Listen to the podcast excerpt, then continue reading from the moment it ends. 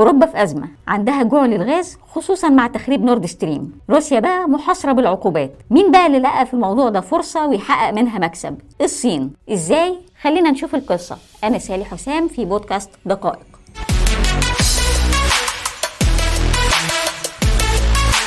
في 27 سبتمبر خط نورد ستريم تعرض للتخريب. وتم رصد الغاز الروسي وهو بيتسرب في بحر البلطيق.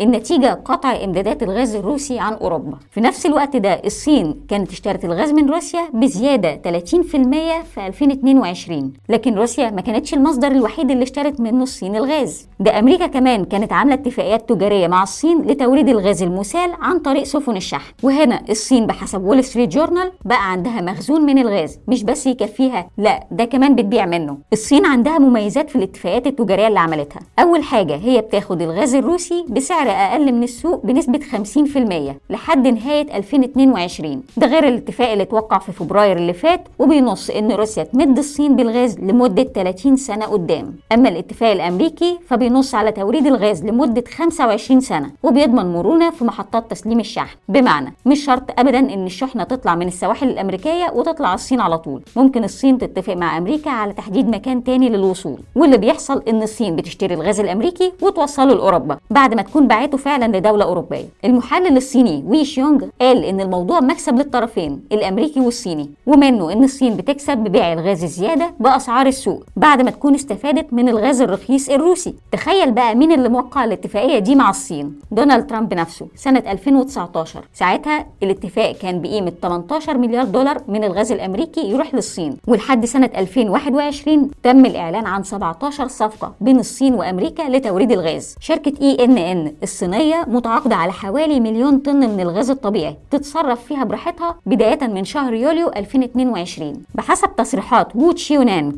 كبير الاقتصاديين في شركة بترو تشاينا فشركته أعادت بيع الشحنات الأمريكية اللي عندها لأن الأسعار مناسبة يعني بقى فيها مكسب. عشان نعرف حجم المبيعات الصينية خلينا نوضح إن الصين بقى عندها 72 مليون طن من إمدادات الغاز الطبيعي وهي نفسها مش بتحتاج غير 66 مليون طن بس. الباقي بقى مفتوح للتجارة. شكرا لوقتكم واستنونا في حلقة جديدة من بودكاست دقائق.